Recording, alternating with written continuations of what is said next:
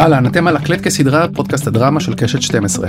אני מני אבירם, והפעם התכנסנו לכבוד העונה השנייה של הסדרה מנאייק, שמשודרת בימים אלה בכאן 11.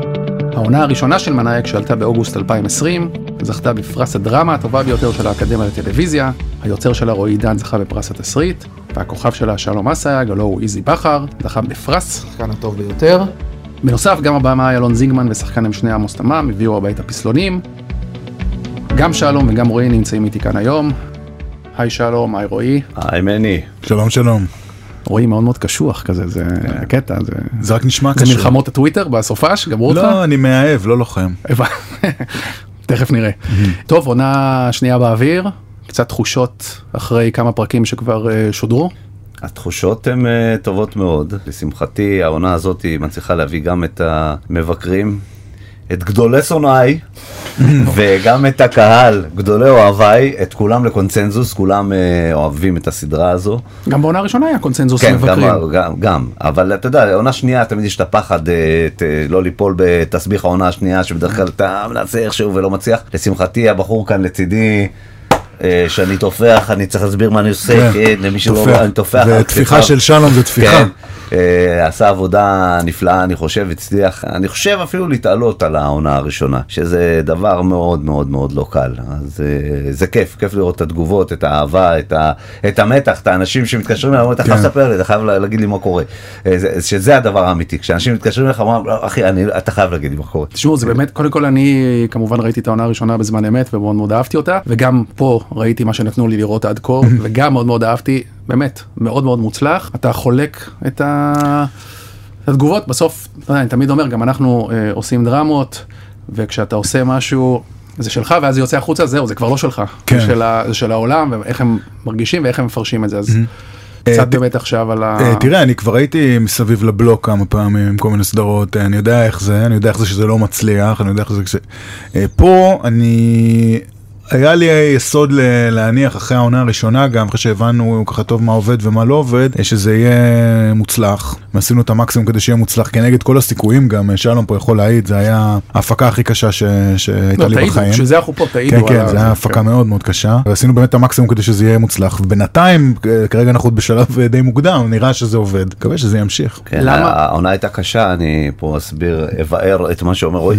העונה הייתה קשה כי נפלנו על התקופה הכי קשה של הקורונה, ופשוט נפלנו בתורות. אתה יודע, כל אחד בתורו נפל, אז היה צריך לעשות שינויים ו- ולהפוך את לוח הצילומים. המאזינים אולי לא מבינים מה זה אומר ששחקן לא מגיע ליום צילום ונופל יום צילום, זה, יום צילום כזה זה דבר שעבדו כל כך הרבה כדי שהוא יתקיים בתאריך מסוים, במקום מסוים, עם אנשים מסוימים. כן.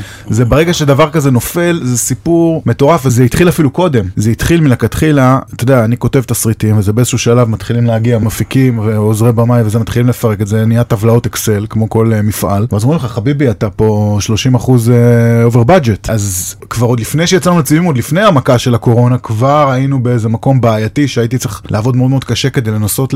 שזה יהיה פיזבילי מבחינה כלכלית, בכלל כל הדבר הזה, וזה היה ממש על הקשקש. זאת אומרת, כבר יצאנו לדרך מאוד מאוד צפופים, ואז התחילו המכות. הלוקיישנים נופלים, זה, והקורונה באה רק ב... זה כבר היה דובדבן על הקצפת רק. זה באמת, אכלנו שם כאפות אה, מכל כיוון אפשרי. גם לירז חממי שמשחקת את טל בן ארוש שהיא מדהימה, באמת, מדהימה מדהימה, מדהימה. אז לירז היא בכלל גרה בלונדון והגיעה לצילומים, תקופת צילומים מיוחד ויש לה ילדה קטנה שנשארה עם בעלה תקופת הצילומים ואז היא באה ואמורה לחזור ופתאום זה חולה והיא צריכה להישאר פה עוד ופתאום ההוא חולה וצריכה... אני בסופו של דבר היה כשאני חליתי היא הייתה כבר חייבת לחזור היא לא ראתה את הילדה שלה מלא זמן ואני הייתי חולה מה אני אעשה? ובסוף חזרתי לצילומים עם פס חלשלוש כאילו, עוד- אני לא יכול לתקוע אותו יותר אבל הרגשתי כבר טיפה יותר טוב ו- והגעתי לצילומים כדי לשחרר אותה זה היה באמת זה היה סיוט כן, בקטע הזה. ממש, זה היה אחד אחרי השני. ועדיין אנחנו פחות משנתיים אחרי ששודרה העונה הראשונה כן. וזה קורה זה ובתור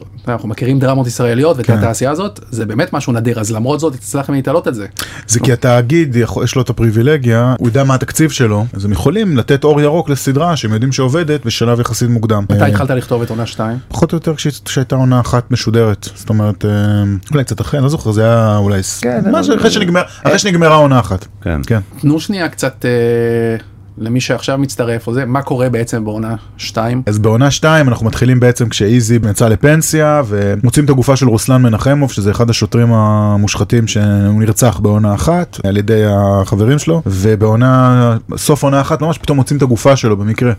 ובעצם בעונה 2 מתחילה מזה שטל בן ארוש אה, בעצם אה, מיד אה, מתעלקת על הגופה הזאת ומתחילה לחקור כנגד מיטב המאמצים של המערכת להוריד אותה מזה כי אף אחד לא רוצה לפתוח את התיבת פנדורה הזאת כי דודו עיני עכשיו מפכ"ל ושומרים עליו ואפילו איזי אומר לה אל תעשי את זה אבל היא ממשיכה בכל זאת ומכניסה את עצמה בעצם מסכנת את עצמה שמה על עצמה בעצם איזשהו צלב מטרה ובסוף פרק אחד באמת אני כבר אעשה את הספוילר הזה יורים בה.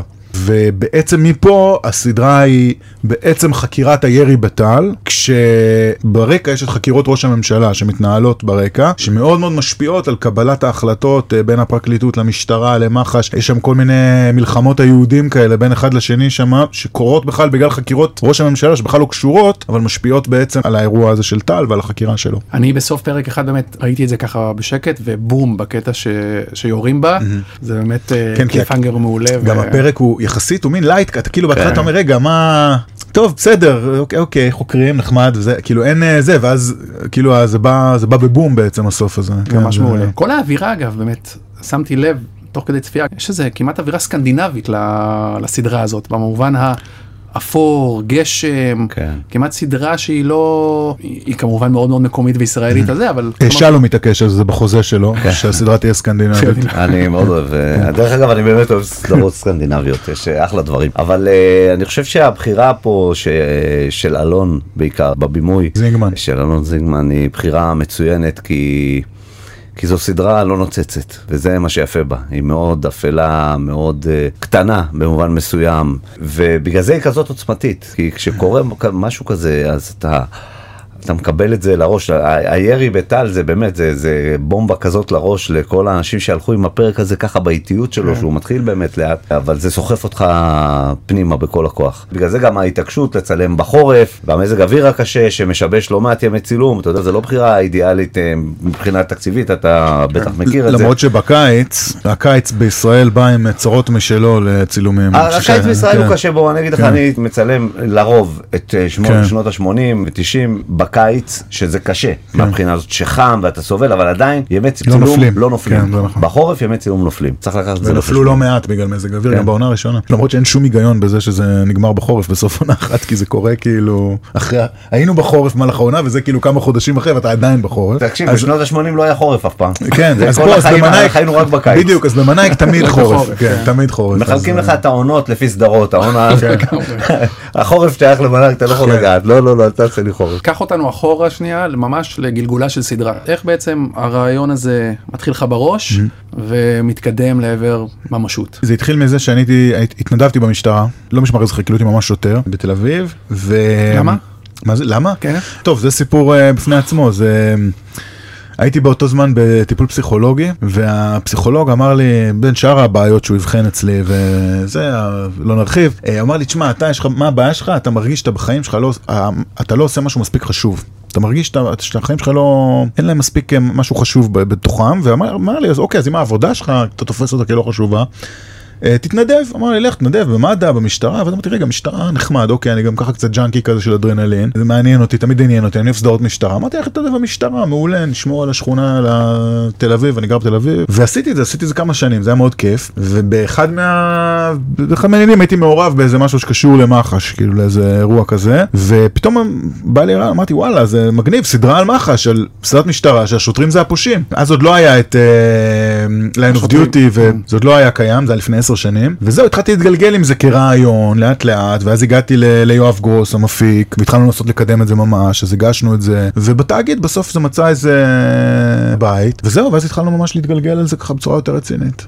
ואז אתה חושב על שלום כשאתה... באותה תקופה עבדתי על uh, עוד סדרה של יואב שנקראת פאנץ' והכרתי כן, את שלום כי נפגשתי איתו לפגישת תחקיר וזה כאילו ישב לי בראש שזה וואלה מתאים משהו כי שלום לא הכרתי אותו לפני זה אתה מכיר את שלום אסק מהטלוויזיה אתה יודע אני, אני רואה שנות ה-80 אני ופתאום אתה פוגש את שלום, בן אדם מאוד שונה, והיה משהו, ובדיוק אז התחלתי לכתוב את הסדרה, וכאילו, לא יודע, משהו הסתדר לי שם, ואז יואב בא אליי ואומר לי, אה, בדיוק באותו זמן, שהוא חשב על שלום לתפקיד הזה, ואמרתי לו, בואנה, אני בדיוק, חש... בדיוק חשבתי גם על, על אותו דבר בדיוק. אני גם ידעתי ששלום שחקן דרמטי טוב, כי זכרתי אותו, מה... את ההתנסויות שלו בתחום הזה, כן. והשאר היסטוריה. ואז אתה מקבל תסריטים. לא, ואז אה, יואב אה, מספר לי ש, שיש סדרה כזו וזה, ואני אומר לו, לא, לא בא לי. עזוב אותי. למה? הייתי עסוק. כאילו גם בעיקר בשנות 80 ודברים אחרים הייתי עסוק אמרתי עזוב אותי לא בא לי להגיד גם את האמת באותם ימים אה, התאגיד כאילו קצת לפני מה שהוא נהיה היום כמעט אף אחד לא ראה. אמרתי אתה אני אלך הקראת תחת שלושה חודשים צילומים אה, בסוף לא רואים את זה אז אמר לי לא לא יש כבר שינוי התאגיד במקום אחר וכבר הדיגיטל שלהם גם עובד חזק ומה אכפת לך תקרא. אמרתי יאללה שלח קראתי שני פרקים. ועפתי ממש, נסחפתי והייתי כבר במתח לראות מה קורה קדימה. קראתי אותם ברצף, אתה יודע, זה בדרך כלל אתה לוקח את הזמן, קראתי אותם ברצף, התקשרתי לאוהב, אמרתי לו אני בפנים. לא אכפת לי מי יראה מי לא, זה בשבילי אני בפנים. ולשמחתי באמת כבר, אה, תשמע, אני, אני עושה הרבה שנים טלוויזיה. ושנות ה-80 היא סדרה שברחוב כאילו באמת הכמות האהבה והאהדה והכמות צפיות שלה והרייטינג ו... ופתאום כשהגיע המנהק ראיתי שזה כאילו, אתה יודע, זה כאילו משודר בתאגיד שאמור להיות פחות. פשוט מטורף, מטורף, כמות התגובות, כמות האנשים שנחשפו לסדרה, שראו אותה, שהתמכרו אליה, פשוט באמת, ממש, זה הייתה סוג של התמכרות להרבה אנשים. אז אה, זה ממש כיף וזה עשה לי חשק לדרמות. כאילו, אז עכשיו אני עושה עוד דברים קדימה, ב... כן, זה ממש עשה לי חשק, ואני שמח כמובן שבאה עוד עונה, והיה אפשר כאילו גם להראות קצת, אתה יודע, משהו אחר ממה שעשיתי, ו- ו- ו- אבל אשקר לך שגם כיף, פתאום. כל אלה שמכסחים אותי לאורך השנים, פתאום אומרים, וואו, וואלה, איזה שחקן זה, זה, זה. אבל בעיקר, כמו שאני אומר לרועי תמיד, בסוף, בסוף, הכי חשוב, הכי חשוב, זה הקהל. נכון. אין... בסוף הקלישאה היא כשזה טוב זה טוב אין, אין פה כן. אז אתה מרגיש משהו שהוא טוב זה טוב כן. וזה באמת חוצה אני מת על זה אמא שלי מתה על זה זה, זה באמת אה, תופס איך נכנסים בעצם לדמות כמו איזי כלומר אתה עם עצמך מה שזה משהו שאתה עושה אתה חושב אתה אני לא נעים לי להרוס, מודל. אתה יודע, להרוס מודלים של אה, שחקנים שבנויים בראש, שהלכו וישבו וחיו ב... אה, עם קבצנים ברחוב כדי ללמוד איך להיות קבצן. אני קורא את התסריט ואני יודע מה צריך לעשות ואני עושה, וזהו, בזה זה נגמר. והוא עושה בדיוק- בול, אז זה די מדהים. אז בזה זה עובד, נגמר, כן. בדיוק כמו שאני עושה בקומדיה. מבחינתי, כאילו, כשמדברים איתי על זה, אבל זה דרמה, אני לא רואה כזה הבדל. גם כשאני משחק פרוספר בזה, זה אותו דבר מבחינתי. אני קורא תסריט, אני יודע מה הדמות הזאת צריכה להיות, ואני מוצא אותה עם עצמי קצת, וזהו, ובזה זה נגמר. שלום גם זה כמו קצת כמו מכונה זאת אומרת זה כאילו יש לך עוד במאי על הסט בקטע טוב אבל יש יש שחקנים זה מעצבן שמתחילים זה שלום פשוט הוא מבין את ה... סליחה שאני ככה בפניך לא. יהלל- מהללך הוא מבין את הדבר כאילו יש לו ראייה גם בתור גם יש המון ניסיון בתור גם יוצר פשוט מבין את הס- את הסצנות יודע מה כמעט לא צריך בכלל אה, לדבר איתו כאילו זה פשוט אה, קורה באמת זה מדהים. האמת, אה, לשמחתי, גם עם אלון, הוא נותן את המרחב הזה, הוא נותן לי את המרחב, גם מתייעץ איתי, הסצנות מורכבות, על מה אני חושב ואיך, כי באמת זה הרבה שנים גם שניסיון, וגם אה, סוג של ראייה מרחבית, אני רואה מה צריך להיות, ואני רואה את איזי בתוך הדבר הזה. אין לי איזה עבודה מיוחדת, אבל אני, אני חרוץ, אני קורא, כשאני קורא תסריט, אז קודם כל אני אגיד לך טיפ לשחקנים, האלף בית זה ללמוד את הטקסט. ללמוד להקריא אותו מתוך שינה. כי זה נותן לך את היכולת לשחק באמת. כשאתה עסוק בלזכור טקסט ואתה לא יודע אותו כמו שצריך אתה לא יכול באמת לתת את המאה אחוז. אז זה משהו שאני מקפיד עליו. אני קורא טקסט אני יודע אין אין אצלי נתקע בטקסט. לא קיים לא קיים. בכל הסדרות שעשיתי בחיים שלי אין אצלי לא זוכר שורה משפט אין כזה דבר. יעיד רועי זה. נכון, ואני אגיד עוד דבר בקשר לזה. זה לא סתם לזכור, לזכור, זה להבין על מה הסצנה. גל זייד הסביר לי האמת היא פעם את הדבר הזה, מאוד נכון איך להדריך שחקנים נכון. אצל שלום פשוט זה קורה טבעי לדעתי, אבל גם להבין בדיוק על מה הסצנה, ואם אתה לא מבין משהו בסצנה, אז לא להתבייש לשאול את הבן אדם, את התסריטאי או משהו כזה, רגע, הכוו- למה הם, על מה הם מדברים פה? כי לא, אתה יודע, לא תמיד אנחנו מבינים. וברגע שאתה יודע את זה, ואתה זוכר את זה, אז אתה גם הרבה יותר קל לזכור את הטקסט, כן. וגם הרבה יותר קל... אה, אני אגיד לך מה הבעיה, איפה נופלים בעיקר אה, שחקנים בדבר הזה. רוב השחקנים, חלקם הגדול, מקבלים תסריטים, מדלגים ככה מהר, רואים איפה כתוב השם של הדמות שלהם, כן. מסמנים את זה, במרקר. ועם זה הם הולכים. ואז אתה לומד דברים מחוץ להקשר שלהם, והרבה פעמים אתה טועה, כי אתה לא מבין את זה. אני קורא את כל התסריטים. אני, איך שרועי מתחיל לכתוב, מבקש ממנו, לפני שאני לומד, קורא פשוט את כל התסריטים כדי להבין מה קורה בכלל. ואחרי זה אני לומד את הטקסט. וברגע שאתה יודע את כל זה, אז יותר קל לך לשחק את הדמות, כי אתה מבין בדיוק מה קרה, למה הוא אמר ככה. כשאתה לומד רק את זה, אז אתה לא מבין, אז אתה מנחש, ואז המשחק פה הוא נופל, כי אתה אומר טונציה לא נכונה למה שהוא אמור להגיד אותו ככה, כי אתה פירשת אותו אחרת, ואם היית קורא את התסריט, היית מבין בדיוק מה הסיפור. אבל מעבר לז- לזכור את הטקסטים, אתה גם צריך נורא להתחבר ולאהוב את הדמות, וזה מרגיש שאתה, אני חושב שזה סימביוזה בינך לבין איזי, כלומר שזה כן. ממש אה, זה, אז אני אומר, אתה ממש הוא. הרי מה בסוף הופך משחק גדול למעולה, שאתה מרגיש שזה הבן אדם, אתה לא, אתה לא רואה את שלום, אז אני אגיד אתה לך- רואה את איזי, וזה עובד פה, אז כן. סתם מעניין אותי באמת החיבור הרגשי שלך לדמות הזאת. קודם כל, זה מתחיל בלקרוא את התסריט, להבין את כל הסיטואציות, מה קורה בתסריט, למה וכמה. אחרי זה, כן ללמוד את הטקסט טוב טוב, ואז אני כן יודע שבסצנה הזאת איזי הוא עצוב. אז אני מחפש את העצבות של שלום. איזי הוא עצוב כל הזמן. כן, אבל פה... לפעמים הוא יותר, יש ספקטרום כן, של עצב. חיפשתי חיוכים, ב- כן. באמת בזה, אתה לא מחייך. יש בקטנות, יש דווקא ברומן עכשיו שיש עם, אה, עם יעל, אחות של טל, נטלי, אז שם יש קצת יותר, רואים את איזי קצת יותר רך, יותר מחייך, אבל עדיין אני כן מחפש את הדברים האלה מאצלי, מהרגש שלי. אה, כשאני עצוב אז, אז אני מחפש את זה, איך אני מגיב בסיטואציות כאלה. אני כן מחבר את זה, ל- לוקח ממני את זה, אז בגלל זה זה נראה כאילו שזה חלק ממני. ולשמחתי, אני גם, גם מאלון ביקשתי, כשכן, דבר שביקשתי ממנו, מאלון בבימוי, להקפיד, שאני לא, לא יברחו לי קטנות, אתה יודע, מאחרי הרבה שנים של קומדיה, שאתה מרשה לעצמך זנבות ומרשה לעצמך זה, אז, אז כן, ביקשתי ממנו להקפיד. שאם אני חורג טיפה, להגיד לי, לא, פה אתה טיפה תרגיע, בורח, כן. תרגיע. תראה, בגלל ששלום בשלב די מוקדם נכנס לתמונה, קלטתי די מהר מי הטיפוס, שלום, כאילו השלום אסיאג האמיתי, אז גם אני כתבתי הרבה מזה בשבילו בעצם. זאת אומרת, הבנתי שלשם הדמות הזאת צריכה לקחת קצת. תסביר, כאילו. תסביר. ו- קלט, ש... אני, טוב, אני קצת אדבר פה על שלום, אה, זה עוד פעם. שאני אה, אצא? לא, לא. קלטתי ששלום זה בן אדם, תראה, היה לי איזה תדמית בראש על- עליו, סטנדאפיסט, לא הכרתי את ה... ואתה פוגש אותו, אז שלום, אתה קולט פתאום בן אדם. קצת כבד, מאוד אה, אינט- אנליטי, מאוד איזי ב- במובן מסוים, בוא בוא נגיד את האמת. אז, אז ממש כאילו הלכתי עם זה, כאילו ממש אה, השתמשתי בזה ככלי. אבל, אבל אני אומר לך, אני בזה אאוטסיידר. כשאנחנו יושבים עם אלון בחזרות, ומתחילים, וזה אומר, "לא, אבל מאיפה הדמות באה, ולאן היא הולכת, ומה הוא היה בילדות, וזה, אני, אני אומר לו, אלון, אח- אחי, אני לא בנוי לזה, תן לי, אני יודע את הטקסט, עזוב אותי, אני אבוא לסט, אני אעשה לך את הכל perfect. עכשיו, בעונה הראשונה, לפני, אתה יודע, הוא היה עוד מבוהל.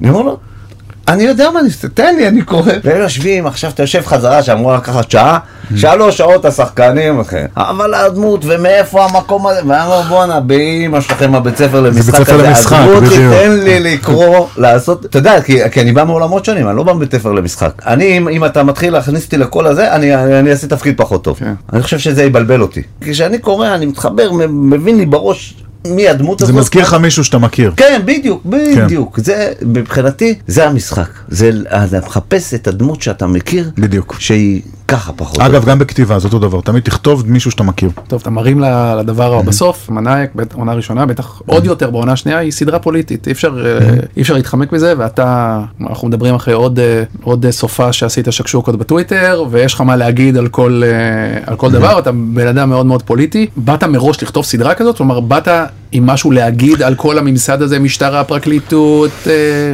האמת שלא ממש, האמת שבאתי פשוט, מן הסתם העולם תוכן הזה קצת, בגלל העיסוק הפוליטי שלי אז הכרתי אותו. ואמרתי אוקיי, יש פה סיפורים, הסיפורים פה הם טובים. אז אני באתי לזה, כאילו הרקע הפוליטי שלי תרם לזה שהתעסקתי עם העולם תוכן הזה אולי, אבל בתוך העולם תוכן הזה הבנתי פשוט שיש פה כר פורה לדרמה טובה ולסיפורים טובים שמבחינתי הם entertainment, זאת אומרת אני לא בא תעמולה, כאילו זה פשוט סיפורים טובים, אני לא רוצה לעשות ספוילרים, אבל גם בעונה הזאת זה לא, אני לא הולך עם קונספיר... זה לא, הסדרה היא גם לא על תיקי ראש הממשלה, כן. היא כאילו זה משהו שקורה ברקע ומשפיע על העלילה המרכזית, והיא לא הולכת למחוזות של אה, הוא ראש, אה הוא זכאי בכלל, זה בכלל לא בכיוון הזה כאילו, זה רק איזשהו מין מנוע דרמטי. obviously אם לא הייתי מהמקום הפוליטי שמגיע, אולי לא הייתי בכלל מתעסק עם העולם תוכן הזה, אבל אה, ברגע שאני כאילו מתעסק איתו, אז אני מתעסק איתו כ storyteller. אין פה איזה עניין, אה, פשוט סיפור בן זונה, כאילו, אתה יודע. אבל כאילו, יש כן פסימיות מעל הכל, מעל כל הסדרה הזאת יש פסימיות, מעבר לאווירה אה, כן, שלה. אבל לא נראה לי שזה שהכל- קשור ל... נראה לא, לי אבל שגם שמאלני יכול להיות פסימי, לא? לא, עוד יותר, אבל אני אומר, חבר אומר, אבל אני אומר כן. שבסוף, כן, שהכל, האווירה היא שהכל מגעיל. הכל מושחת כמעט, יש איים של, אה, של אה, אה, אנשים שמנסים לעשות טוב, אבל בסוף זה דטרמיניסט, זה כאילו... כן, אבל זה לא קשור. לעמדה פוליטית, שהרבה לא קשור יגידו לך. הרבה אנשים יגידו לך פוליטית. גדולות נוטות להיות כאלה, בטח מערכות שיש להן הרבה הרבה כוח ומעט ביקורת, ואני חושב שזה דבר בריא לדבר על זה, כאילו, כחברה. ברור, ברור, כן. אבל אני מחפש איזה נקודות אור שם ולא הצלחתי למצוא. לא, תראה, אתה גם כשאתה כותב קצת, אתה תמיד מנסה לעבד את הפחדים שלך ואת הדברים, זה בצורה של כתיבה, וככה אתה קצת מתמודד עם זה. אז אני נהנה לחשוב שיש אנשים כמו איזי וכמו טל, שלא משנה כמה שזה דון קישוטי וכמה שזה, יש, ויש שם כמה וכמה אנשים טובים במערכות האלה, ואני מדמיין שיש באמת אנשים כאלה, ושהם לפחות מנסים, ובשבילי זה מחשבה שהיא מנחמת. אני מקווה שהיא גם, אני מקווה שהיא גם נכונה. אבל, אה, לא, אני קצת מכיר, אני יודע שיש כאלה אנשים, אה, אבל, אבל אה, המערכות האלה, מערכות קשות, אין מה לעשות, זה... וגם כן. אתה בתור שחקן לצלול לדרמה כזאת שהיא באמת דרמה שאומרת משהו על, ה, על העולם שאנחנו חיים בו וכן ריקבון של ממסד או כן תיקים לא תיקים פה פה זה שאתה לא נכנס לעומק שלא אכפת לך הרקע של הדמות אבל זה משהו שאתה התעסקת בו אתה מתעסק בו חושב עליו כי בטח הרבה מאוד מהתגובות שאתם מקבלים זה גם על זה. ברור, בסוף אנשים כן. מדברים שמאל עזוב שזה לא שמאל ימין אבל זה כן אנחנו חיים בעולם מאוד לא, לא, ספציפי ברור, זה, ואתה נשען על הרבה מאוד ברגע שאתה סיפורים עושה את שקורים פה. תיקי ראש הממשלה זה שמאל ימין, אז ברגע שאתה עושה את זה זה זה, בסדר גם זה אתה יודע זה סוג של פרובוקציה זה לעשות את זה בכוונה גם אה, הוצאת- הוצאתי לא בכוונה חשבתי לטיזרים, אחרת, הוצאתי לא גם חשבתי. בכוונה לטיזרים ברור. כמה רפליקות על תיקי ראש כן. הממשלה כדי שיעשה בלאגן. לא כן, לא. תיקי ראש הממשלה בסדרה הזאת, כמו שרועי אומר, הם- הם לא שם כי אנחנו מתעסקים בתיקי ראש הממשלה. הם שם רק כדי להשפיע על החלטות שקשורות למה שקורה בסדרה. לא לא כישות את- אה, כאילו מרכזית, ישות חיצונית שזורקת לך ככה חומרים לדרמה, כי אתה באמת, זה משפיע על ההתנהלות מול, מול המפכ"ל, מול זה, מול זה. אז אני לא רואה בזה, בעניין הזה, פוליטי. כאילו, זה, יש נגיעה קלה. מבחינת מערכות אה, מושחתות, כן, הרי יש לא מעט תלונות על המשטרה. על- עכשיו, זה לא אומר שכולם ככה מושחתים, אבל הסדרה, תמיד ש- שאתה יודע, כמו, אני עוד פעם אלך איתך בסדר לקומדיה, שאומרים לי, רגע, אבל מה, בשכונה שלכם היו רק אה, אלה, הם מטומטמים, אין... היו הרבה אנשים שהם לא מטומטמים, אבל אני מתמקד במטומטמים, כי זאת הסדרה. אז אה, אותו דבר פה, אתה מתמקד בסיפור ספציפי על הפשע הזה שקורה בתחנת ראשון, זה לא אומר שמפקד תחנת אשדוד הוא גם כן מושחת ששולח אנשים אה, להרוג, אתה- זה הסיפור שאתה מתמקד בו. אז כן זה משליך עליך, איך אנשים תופסים את הממסד, את המשטרה, את הכל, אבל אה, אני חושב שמה שעשה את הבאז בסדרה הזאת בכלל מלכתחילה, זה שנפלנו על תקופה כזו שהמשטרה הייתה בכותרות, היה סיפור עם מח"ש, היה, אז הכל התחבר לאנשים פתאום. לא, זה היה- משטרה, פרקליטות, כן, זה בכותרות הכל קורה, כן. כן. בדיוק, ורועי הוא יודע מה הוא עושה, זה לא קורה סתם. הוא- בהחלט. הוא, הוא אני ידעתי לוקח... שיהיה משפט, שיהיה כן. בדיוק את המשפט, אז... אה, זה בעונה 6 גם יהיה לך את המשפט, זה לא כן. משנה. מבחינת אה, פחד להתעסק בזה, ממש לא. קודם כל אה, סדרה, אני מאוד שמח להתעסק בזה. כל עוד זה כתוב טוב ועשוי טוב. אני לא רואה פה איזה, אני יודע מה, איזה תעמולה פוליטית לכיוון כזה או אחר של מישהו שמנסה... לא, זה גם בסדר אגב, לא כן, משנה, אבל אני אומר זה- עדיין, כשיש את זה, אז אתה יכול להגיד, רגע, אני מתחבר לאג'נדה או לא מתחבר לאג'נדה, אבל פה לא. תדע לך זה לא בסדר, כי כשעושים תעמולה, זה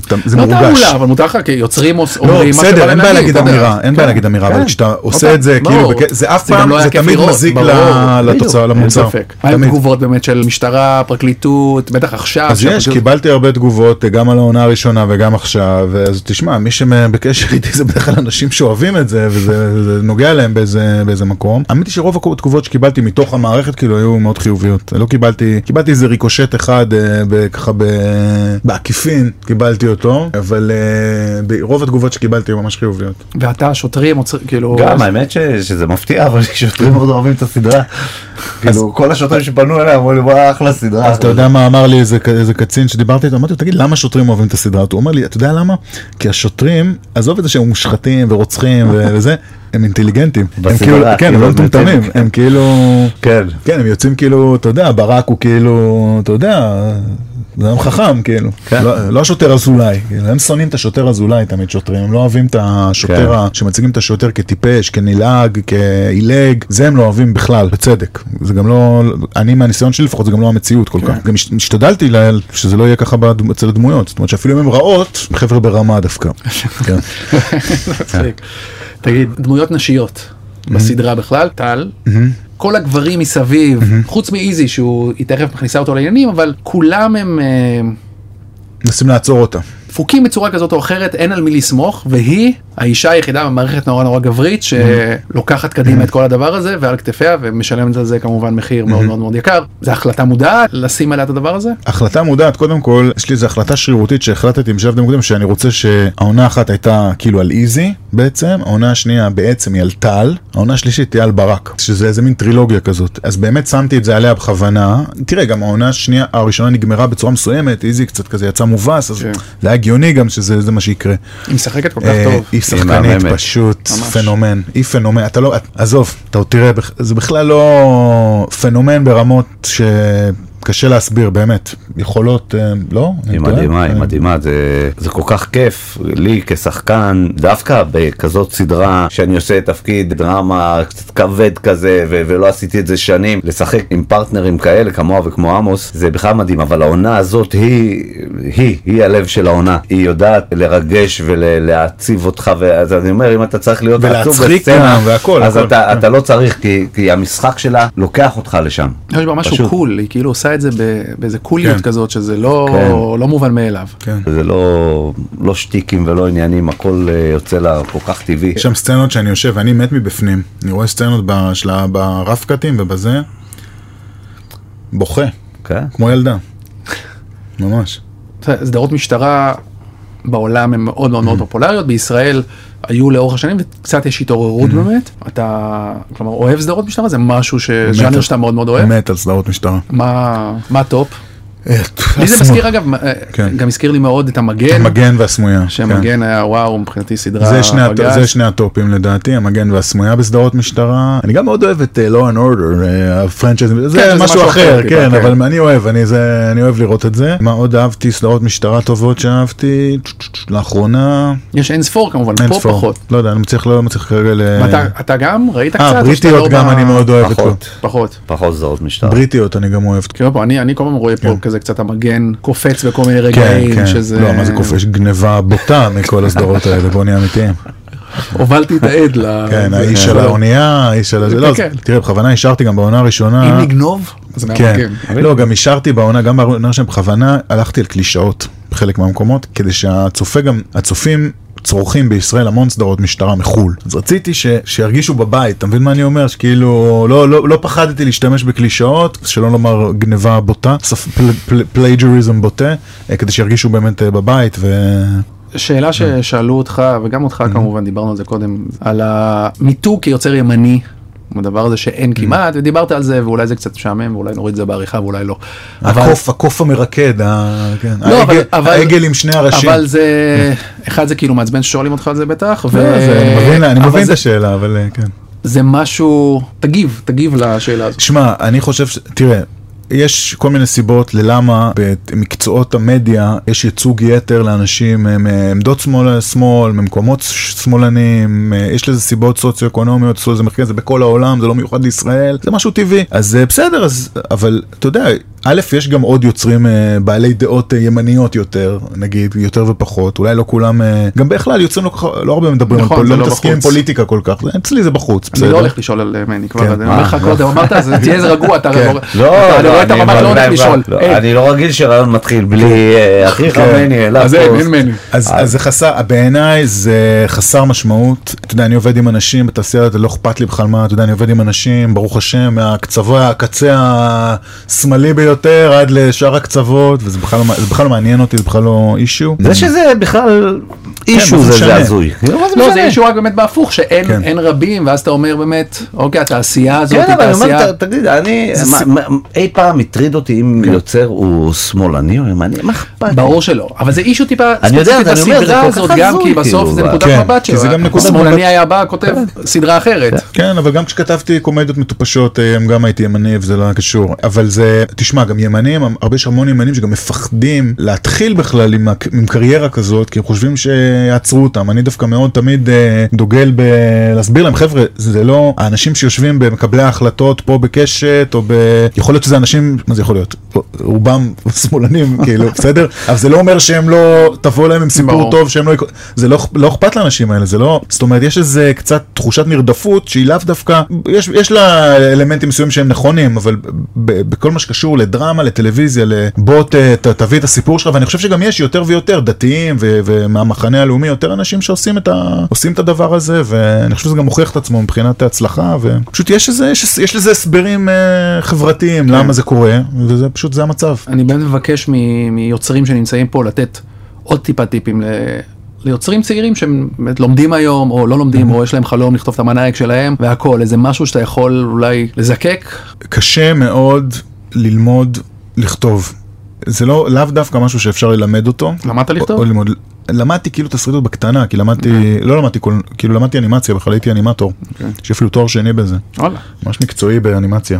קשה לי לתת טיפ, זה צריך פשוט לנסות. יש לך המון המון רעיונות, לא להיתפס לפרויקט אחד, אלא לנסות כל מיני דברים עד שמשהו יתפוס, ולדעת לשים לעצמך איזשהו גבול, לדעת לשים לעצמך גבולות, זאת אומרת גם לשים לעצמי גבולות של עד מתי אני מנסה למכור את הפרויקט הזה לפני שאני מתייאש ועובר הלאה, עד מתי אני ממשיך לשכתב עד שאני יוצר ופשוט עושה את זה, וגם עד מת- מתי אני מקציב לעצמי לנסות להיות יוצר טלוויזיה עד שאני getting a real job, כי זה קשה, זה לא לכולם, צריך לפעמים לדעת להודות בתבוסה, וגם זה קרה לי כמה פעמים, אני כמה פעמים, כולל כבר כשאחרי שהיו לי כבר סדרות וזה, שלום יודע, אני הלכתי בכלל לעבוד בהייטק, כן. אמרתי אני לא צריך את החרא הזה יותר, קרו לי כבר כמה מקומות כאלה היו לי בחיים, ועוד יהיו לי אני חושב. אתה באמת יצרת גם יוצר שנות 80 90 ועוד כאלה זה מעניין אותך באמת ליצור גם עכשיו משהו דרמטי יותר כיוצר אנחנו, כן, כרגע בעיצומו של. בעיצומו של. כן, אנחנו עובדים אה, יחד גם על, אה, על דרמת פשע, בשלבי כתיבה כרגע, מיועדת לערוץ 13. כן, אני, בוא, אני קודם כל, אני יזם.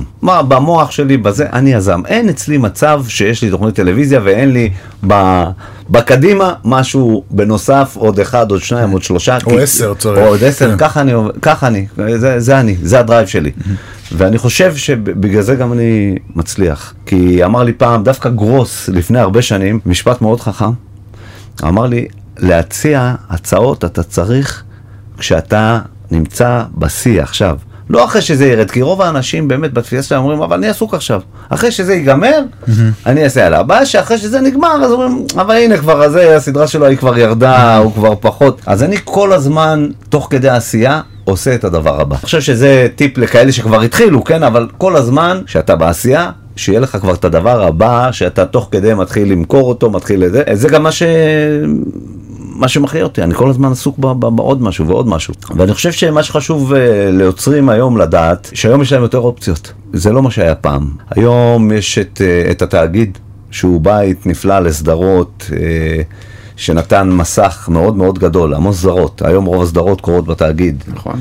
אז uh, היום המצב הרבה יותר טוב, היום גם uh, ל-12 ו-13 יותר קל להביא סדרות, כי פתאום הפוטנציאל הזה של uh, למכור סדרה החוצה mm-hmm. הוא קיים, הסטרימרים שינו את המשחק, הסטרימרים הראו שסדרות זה הדבר, אז היום יותר קל. ואני יכול להגיד שכשהיום חושבים על סדרה, כשאתה רוצה למכור אותה באמת, לא לתאגיד, ל-12-13, אתה צריך שיהיה לה אופק קדימה חו"ל, ובינלאומי. כן, אתה צריך לחשוב בראש אם זה יעבוד חו"ל. כי אם לא, הם לא ישקיעו. והיום אתה בא לרשת או לזה, אם זו סדרה מאוד ישראלית, לא משתלם לשים על זה כסף. אם הם רואים פוטנציאל מכירה, זה זה כבר יותר מעניין. אני רוצה רק להדגיש מה ששלום אמר על היזמות. היזמות היא הבסיס של כל, הד- זה, זה בעצם יזמות. העבודת יצירה טלוויזיונית היא למעשה יזמות. אתה צריך כל הזמן לייצר פרויקטים, להציע אותם, להשיג להם מימון, זה פשוט יזמות. רק כשאתה מוכר משהו שאף אחד לא באמת רוצה לקנות. אבל זה ממש ככה, זאת אומרת, אם אין לך את ה drive היזמי הזה, זה לא יקרה. מנאייכ שלוש, וכתיבה באמצע שלה בערך, בדיוק שלחתי היום את פרק, מעבר לדרמת פשע שאתם כן. מייצרים. כן. בדיוק שלחתי היום את פרק 5. זה קצב באמת מרשים, תשמע, כן, אני כותב כמו שאני עושה אהבה. מהר ועם הלפטופ. מעולה, מעולה, טיפ אה, מדהים. כן. אני כותב כמו שאני עושה אהבה, אני לא כותב. לא. אז זהו, אז אני כותב, כן, זה לא באמת כזה מהר, כי אני כבר עובד על זה תקופה. בסדר, אה, להפך, עוד- עצרתי, התחלתי מההתחלה עוד פעם, כי זה לא היה טוב. לא, לא, הפעם, כן. פשוט גם, ה- אוקיי, האור הירוק לעונה היה השלישית. מוקדם, היה כן, מוקדם. עוד יותר מוקדם. אוקיי. זה נראה סבבה, זה אני לא, אני לא יכול לספר על זה כלום, כי זה ספיילר פה לא. את העונה, אבל אה, באמת הפוקוס הוא פתאום עובר לברק, ברק הוא כאילו המנוע הדרמטי של העונה, ובאמת זה משלים איזשהו סוג של אה, טרילוגיה כזאת, שלא יודע למה רציתי שזה יהיה ככה, אבל זה, זה, זה החלטה שרירותית שלקחתי וזה פשוט יצטרך לקרות. אוקיי. אה, כן. טוב, אנחנו לקראת סיום, אז אני שואל, או שתרימו לסדרות שאתם רואים עכשיו, בשנים האחרונות, וגם לסדרות שמבחינתכם זה הדרמות הגדולות שעיצבו, השפיעו, שאתם מתים עליהן. כזה. אוי, יש לו הרבה זמן בנוי לזה. כן. אני יכול להגיד שבתקופה האחרונה, דברים שמאוד אהבתי זה Peaky Blinders.